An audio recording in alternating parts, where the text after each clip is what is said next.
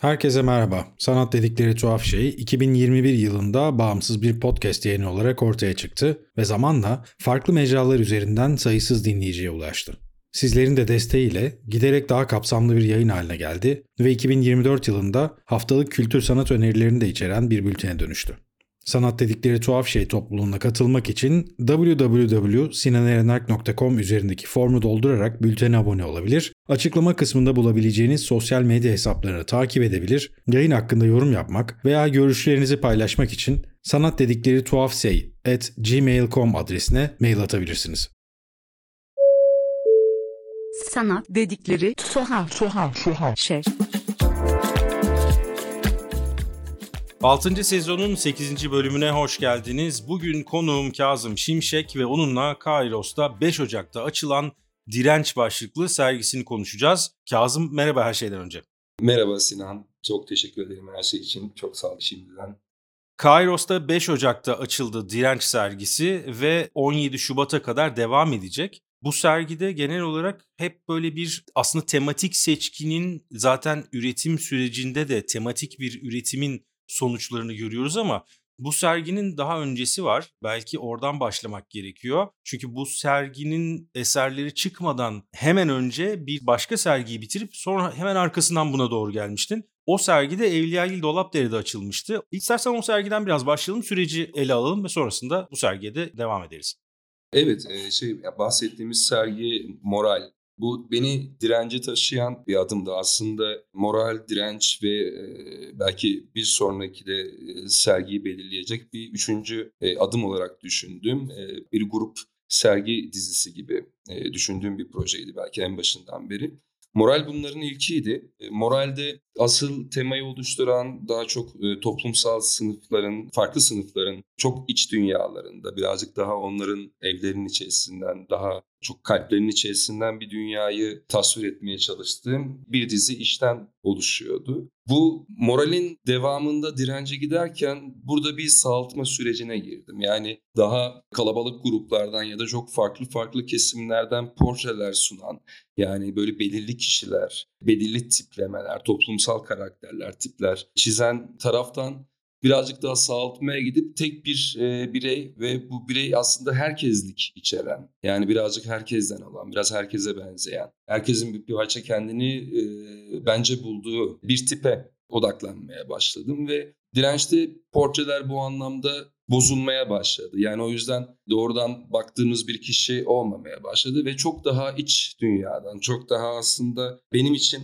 kadim diyebileceğim bir hikaye. Yani insan, sade insan, her şeyden arınmış sade insanın derdiyle ilgili bir noktaya girdiğim süreç oldu direnç ve moralden sonra. Bu sergiyi ele almak adına aslında hem o sürece bakmak önemliydi. Çünkü gerçekten moralde yaptıklarını anlamak biraz dirençe giden yolun anlama yolunu açıyor. Ama bir de şu var şimdi aslında yaptığın işlerin tekniği de bence önemli. Çünkü günümüzde pentür ya da pentüre yakın, resme yakın pratikler artık geleneksel kabul ediliyor. Ama sen bunlara bir bağlılık içinde çalışıyorsun ve o tarafta da kendi elindeki bütün verileri, bütün kaynakları daha da şekillendirme ve bununla beraber gerçekten bizim sıradan az önce senin söylediğin gibi sıradan insanların hikayeleri üzerinden bir toplumsal okuma yapmaya çalışıyorsun. Pentür'ün buradaki teknik rolü ne senin için?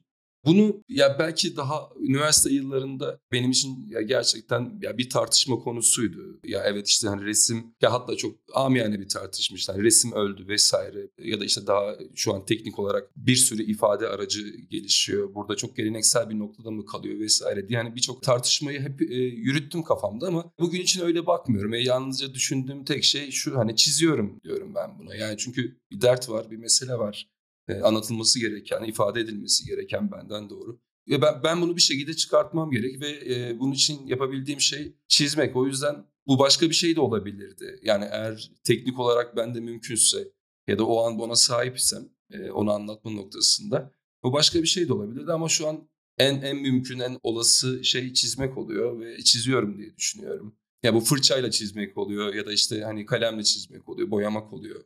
Sanırım elinde imkanın neyse o anda neye ulaşabiliyorsan bununla kendini ifade etmek amacıyla Evet, aslında gidiyorsun. evet, evet, Dolayısıyla evet. aslında sen ifade etmeye çalışan ve gerçekten arkasında bir fikirle ifade etmeye çalışan sanatçılardan birisin. Bu benim için çok önemli hep sanatı okurken. Çünkü bir sanatçıyı özellikle Türkiye'de, e, yurt dışında da bu zamanda yapılan şeylerden biriydi. Belki bugün daha az yapılıyor ama teknik üzerinden tanımlamak bana hep altı çok dolu olmayan bir söylem gibi geliyor. Hep o sanatçının ne ifade ettiğini, neyi nasıl anlattığını biraz görmek lazım. Zaten direnç de bu noktada tekniğin üzerine o fikri de iyi koyan sergilerden bir tanesi benim için. Ya mesela şey de vardı. Bu e, aslında direncin sürecini düşünürken ya bir direnç dediğim zaman bunu çok katmanlı direnç olarak kurmuştum. Mesela bu bunun içerisinde e, şu da vardı. Benim resim yapma pratiğim de kendi hayatım içerisinde aslında bir direnç olarak e, ifade ettiğim şey. Çünkü bunu bir noktadan sonra şey diyorum. Ya sanat yapmak, sanatı sürdürmek etik bir tercih olarak da hayatımızda ortaya çıkıyor. Çünkü e, sektörel olarak da yani bugün benim gerçekliğimde e, çok ekonomik bir dayanak ya da bir getirisi olan bir şeyi yok. Yani çok ciddi bir gerçekliği yok bu anlamda. Ve o yüzden hayatımızı kazanmak için zaten hali hazırda sistemin içerisinde gerçekten hani savrularak bir şekilde ona adapte olarak bir e, ekonomik gerçeklik yaratmaya çalışıyoruz. Koşul yaratmaya çalışıyoruz. E, sisteme adapte oluyoruz. Onun içerisinde erimeye başlıyoruz. Ve ama bunun içerisinde bir yaratma dürtüsü var. Bir şey söyleme, bir şey anlatma. Burada bir şey paylaşma dürtüsü var. Ve bununla ilgili bir direnç üretmen gerekiyor. Çünkü insanlar atıllaştığı, üretimsizleştiği, e, mekanikleştiği bir zamanda bunu tercih etmek zorunda kalıyorsun ya da bunu hissediyorsun.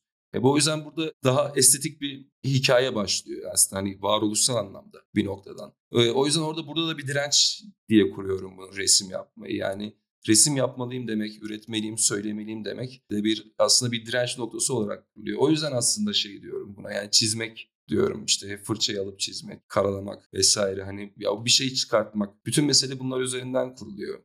Burada zaten direncin biraz daha artık damarlarına doğru inmemiz gerekiyor. Çünkü direnç içinde aslında biz çok fazla renk değişimindense hep kontrastlar üzerinden, hep siyahlar, beyazlar üzerinden daha yalın malzemeden ya da işte rengin kendisindense anlatımın ya da anlamın kendisine odaklanmış ve gerçekten de arkada o söylemi her eserde şekillendiren bir sergiyle karşı karşıyayız. Bu anlamda senin basın bülteninde, tanıtımlarında da hep kullandığın bir alıntı var ki o da Oğuz Atay'dan. Yalnız yaşayan insanların kendi içlerinde başlayıp biten eğlenceleri vardır cümlesini aldın korkuyu beklerken de ve bildiğim kadarıyla Oğuz Atay'ın da bu süreci şekillendirirken en çok başvurduğun yazarlardan biri olduğunu hatırlıyorum. Orada nasıl bir süreç oldu? Yani moralde de Oğuz Atay bir yer tutuyor muydu? Bu daha öncesinden mi geliyor? Yoksa bu sergi için mi üzerine özellikle çalıştığın yazarlardan ya da geri döndüğün yazarlardan biri mi oldu?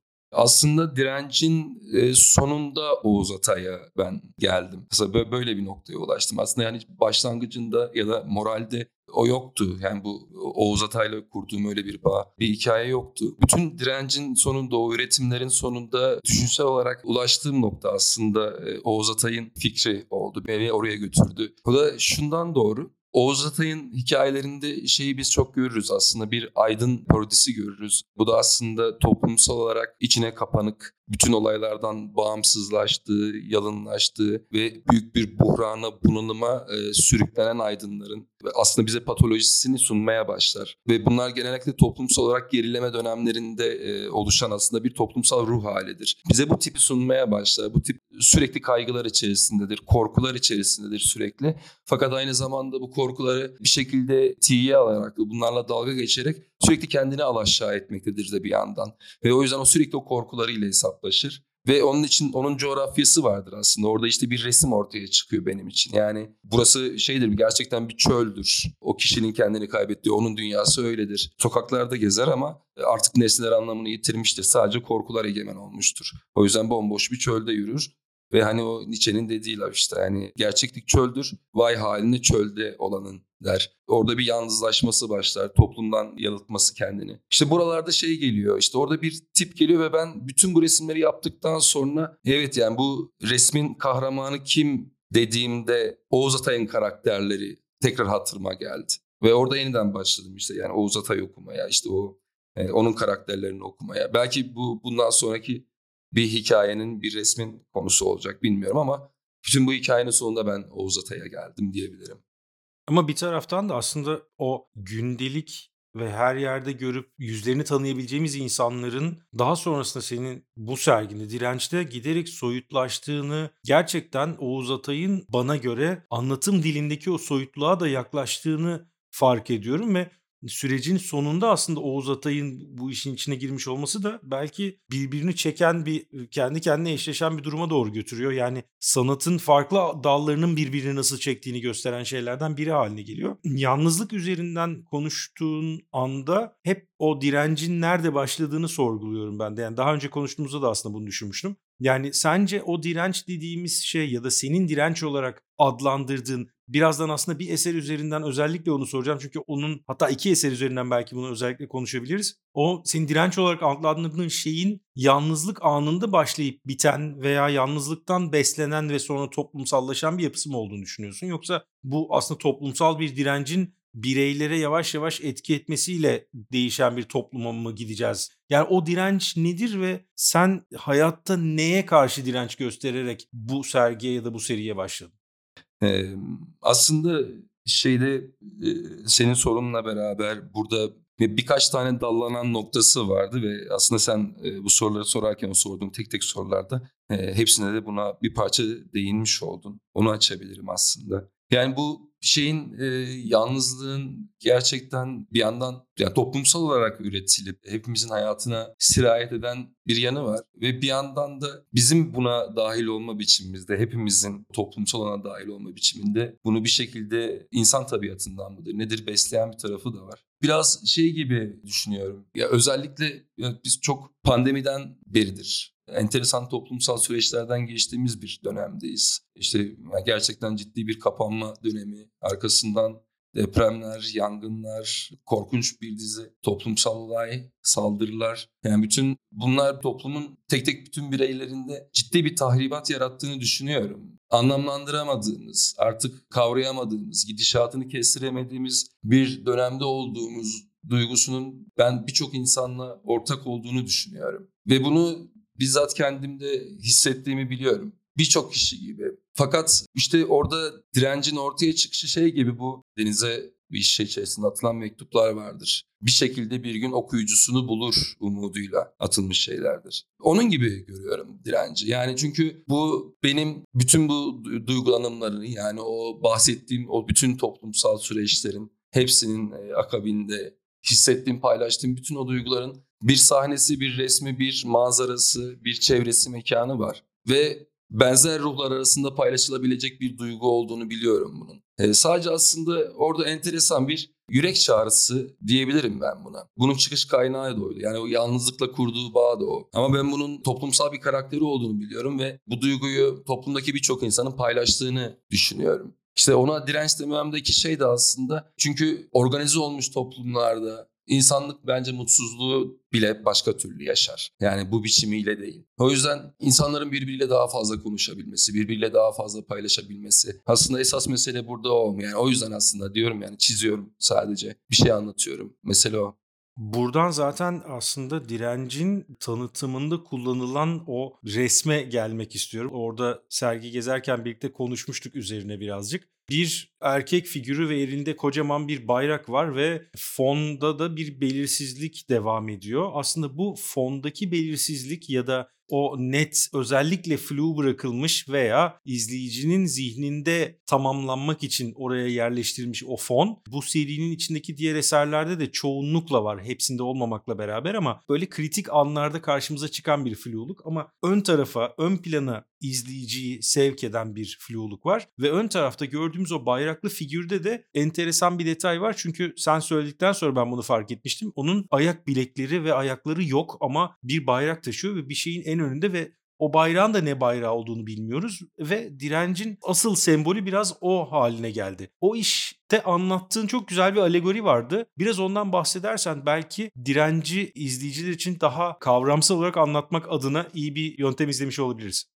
Aslında romantik vaat resmin adı. Orada bu moraldeki sergiden bahsederken dedim ya toplumsal tipler, karakterler vardı. E, farklı kesimlerden, farklı yerlerden. Ve birdenbire burada bir sağaltmaya gittim ve bu birazcık daha aslında kimliksizleşen, aslında buradan doğru da herkesleşen, herkes her şeyleşen bir şey. Bir portre ortaya çıkıyor. O yüzden bayrağın ne bayrağı olduğu orada önemsizleşiyor benim için. Yani bu hepimiz neyin bayrağını taşıdıysak o olabilir yani. Kim artık hayatta neyin bayrağını taşıyor, neye inanıyorsa.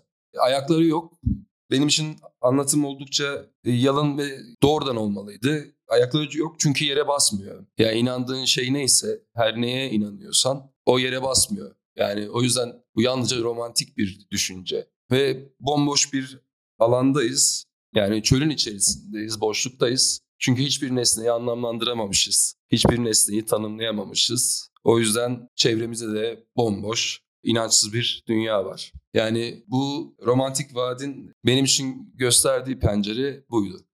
Birazcık o romantizmin büyük idealler yaratıp ayaklarının yere basmaması hali beni çok etkilemişti onu ilk gördüğümde. Çünkü gerçekten sergiyi aslında açan, içeri girdiğimiz ilk gördüğümüz eser o oluyor ve bütün serginin kuracağı cümlelerin ilki o görüntü ve burada bununla karşılaşacaksınız. Bir tarafta o ayağı yere basmayan görüntüyle bir taraftan ideallerimizle bir taraftan kendimizle bir taraftan işte gerçeğin çölüyle her şeyiyle karşılaşacaksınız demesi çok etkileyici gelmişti bana ki daha sonrasında da zaten serginin iç tarafında senin bu defa kendi portren bir anlamda bizi karşılıyor. O da ama onun mesela ayakları var, yere basıyor, ne yaptığının farkında ve bilinçli olarak bir kitabı yırtıyor. O mesela o, o nasıl çıktı? Çünkü gerçekten kendini Özellikle mesela Oğuz Atay'dan bahsettik az önce. Sürecin sonunda bir yazarla aslında edebiyatla böyle bir bağlantı kurduğun anda o kitabı yırttığın noktaya nasıl geldin? O ironiye nasıl çıktın?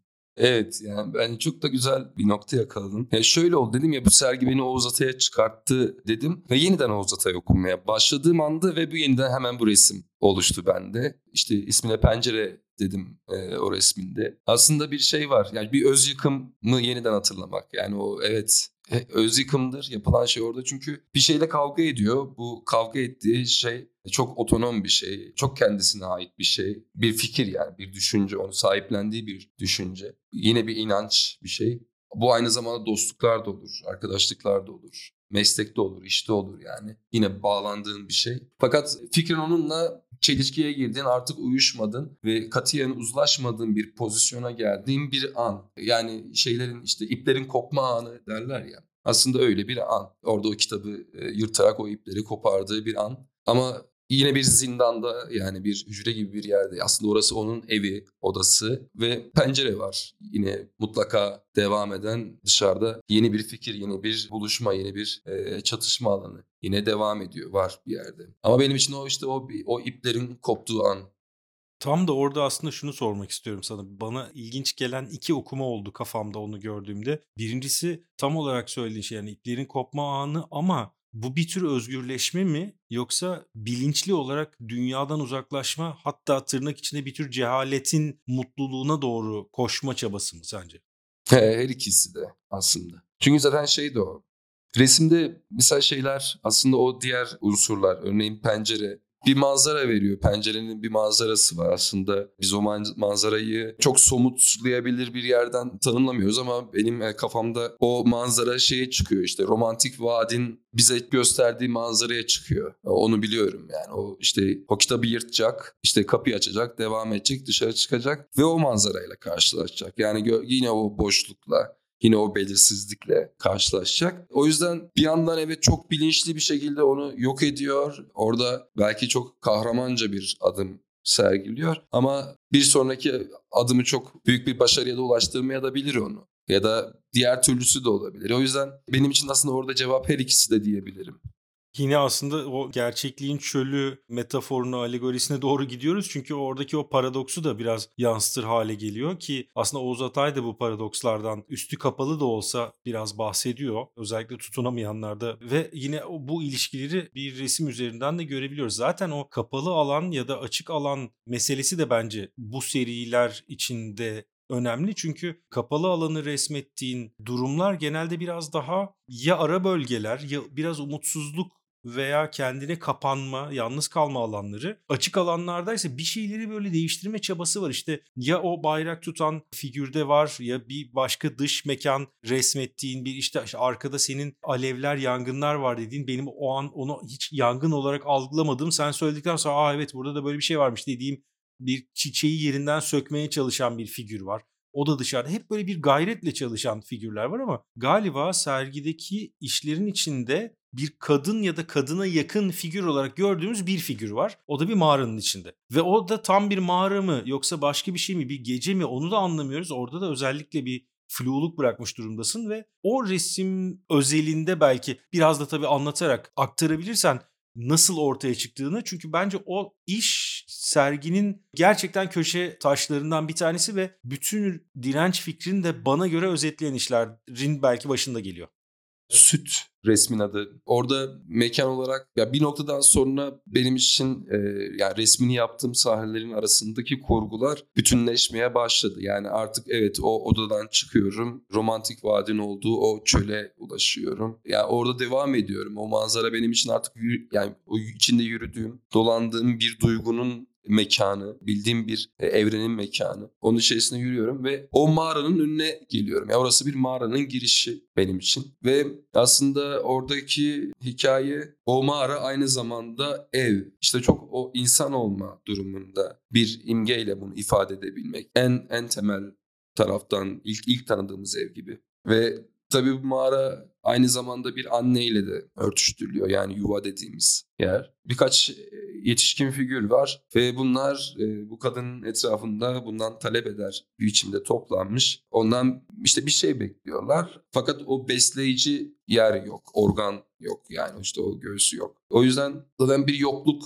noktasına çekiyor. Yani sürekli taşımak istediğim işte o çöl yani derinleşen bir yoksullaşma. Sürekli derinleşen yani artık nesnesizleşen, imgesizleşen, verimsizleşen, gitgide kıtlığın egemen olduğu bir evren var her anlamıyla. Yani hem duygularda hem nesnelerde her şeyiyle. Öyle bir evrene taşıyan bir resimdi benim için. Yani öyle bir evrenin resmiydi.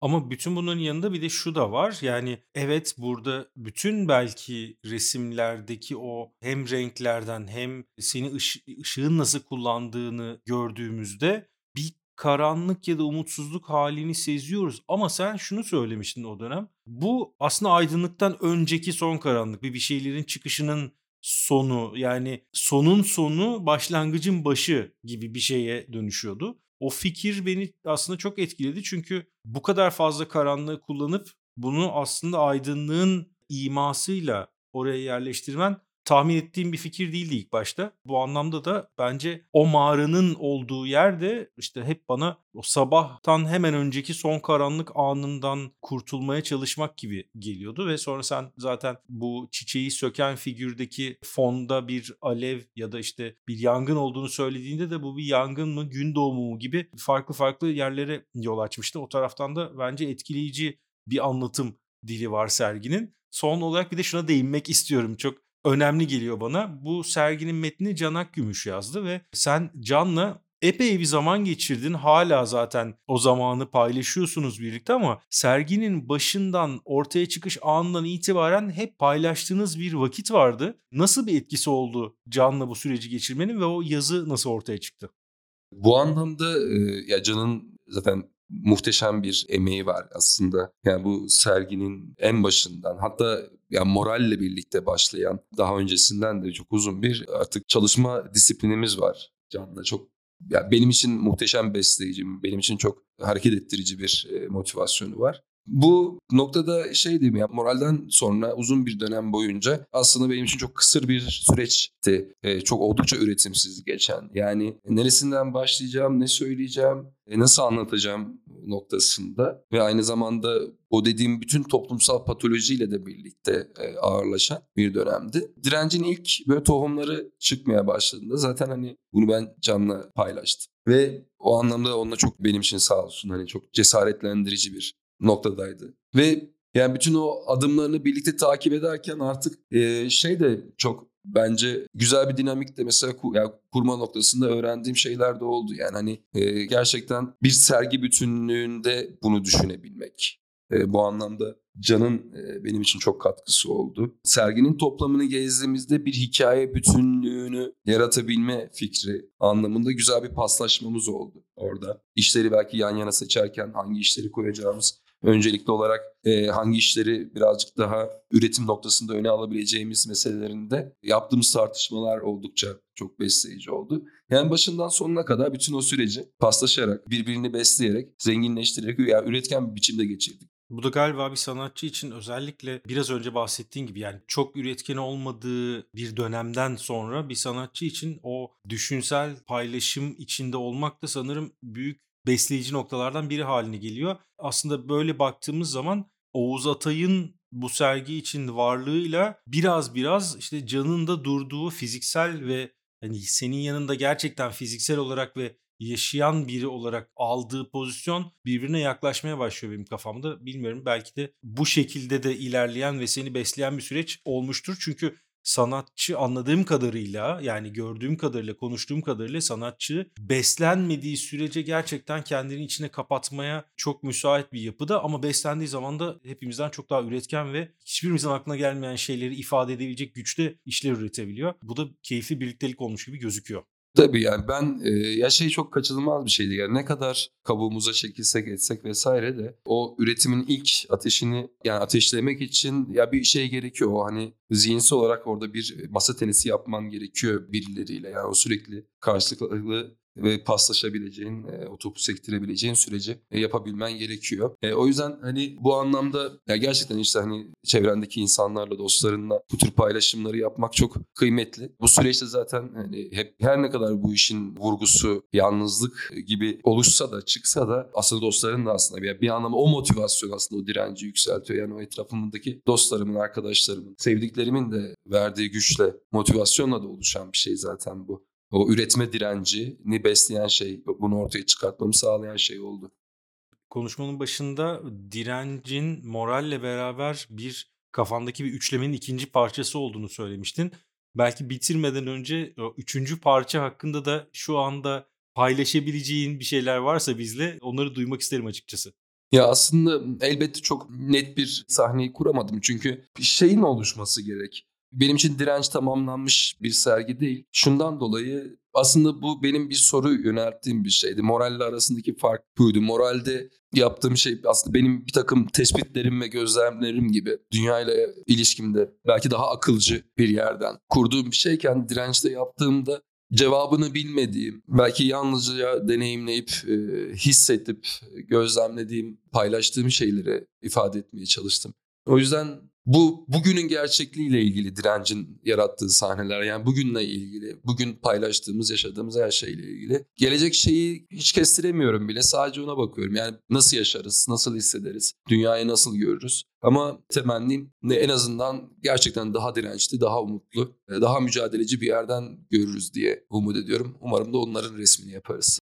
Kazım çok teşekkürler. Kendi direncini ve direnç sergisini bizle paylaştığın süreci ve zihnini bize açtığın için Kairos'ta devam edecek 17 Şubat'a kadar direnç sergisi izleyebilir, görebilirsiniz. Bir umut ya da umutsuzluk alegorisinin ötesine geçen ve o resmin pentürle olan ilişkisini de biraz bize bugünkü gözden yansıtabilen bir sergi. Bu anlamda da bence e, izleyicilere, dinleyicilere ilham verecek sergilerden bir tanesi olacaktır. Teşekkürler Kasım.